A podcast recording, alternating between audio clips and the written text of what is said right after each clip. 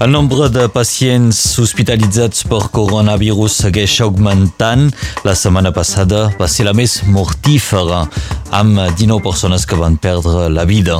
Farem un punt també sobre les noves mesures imposades pel govern amb tancaments eh, de grans centres comercials i també test PCR obligatoris per entrar en territori francès.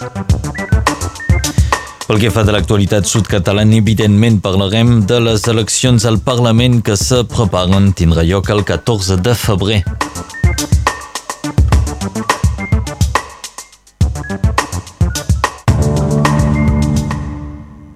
Les xifres del coronavirus són cada dia més preocupants aquí a Catalunya Nord. Només per la jornada d'ahir, 14 pacients van ser hospitalitzats per Covid-19.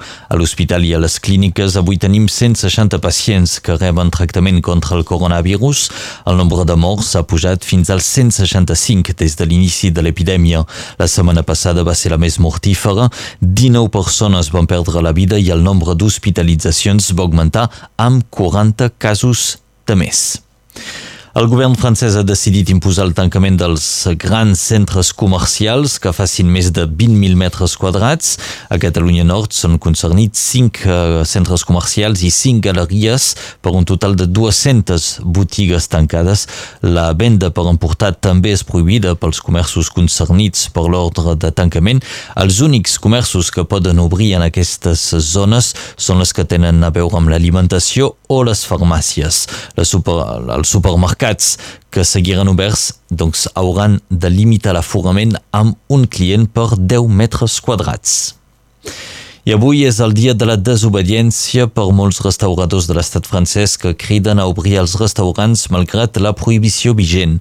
Reclamen poder tornar a treballar amb l'argument que els restaurants no són el lloc on més es pot transmetre el virus. Les autoritats avisen que no hi haurà cap mena de tolerància de cara als qui decideixen obrir.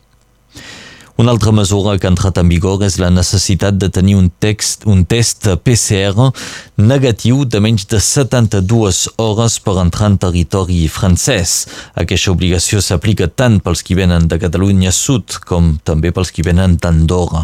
Només es poden escapar d'aquesta mesura els camioners, els treballadors transfronterers, els qui es desplacen per motius de salut o per qualsevol habitant de Catalunya Nord que visqui a menys de 30 quilòmetres de la frontera.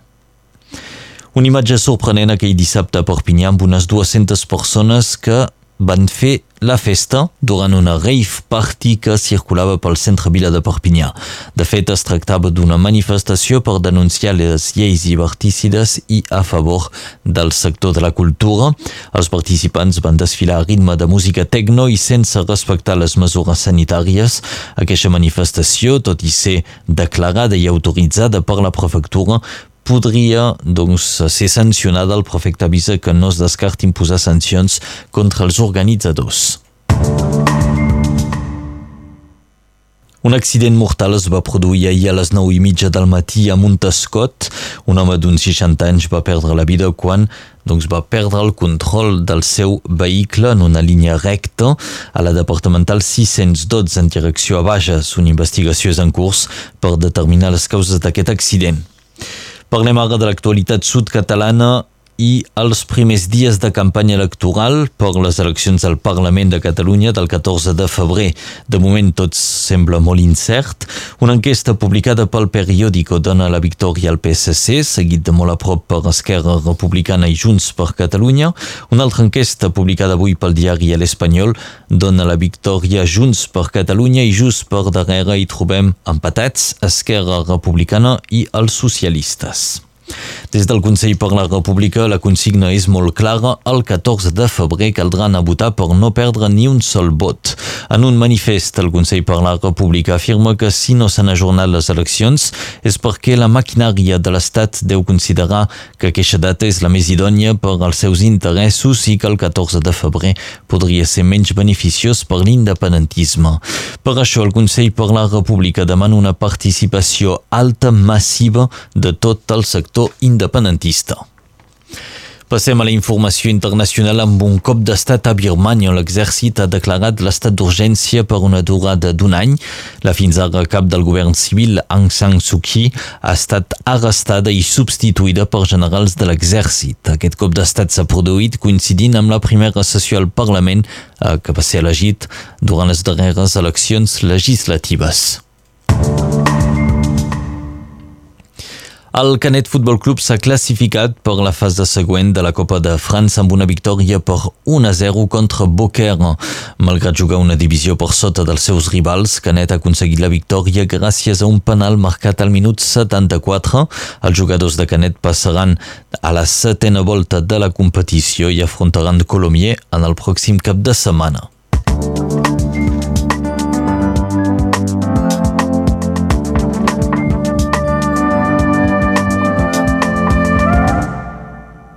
Descobrim ara mateix la previsió del temps amb l'Enric.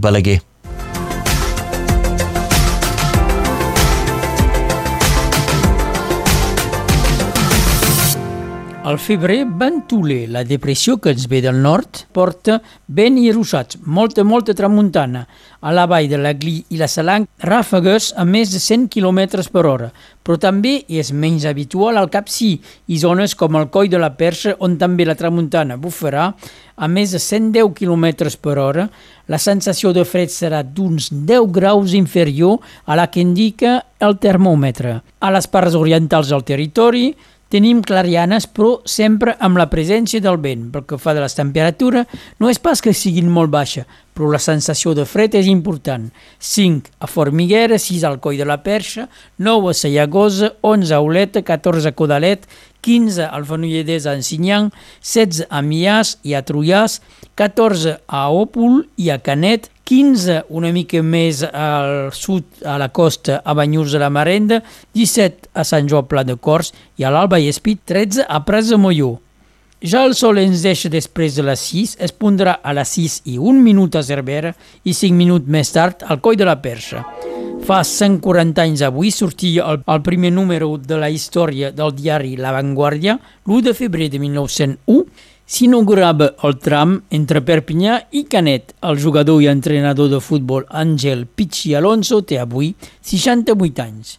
Avui és Santa Brigida, és advocada de les dones velles i especialment de les fadrines i les viudes, i Sant Ignasi és advocat contra els llops potser el necessita actualment del banc de calça. Sigueu tranquils. El refrany diu, febreret curt, amb 28 dies en surt.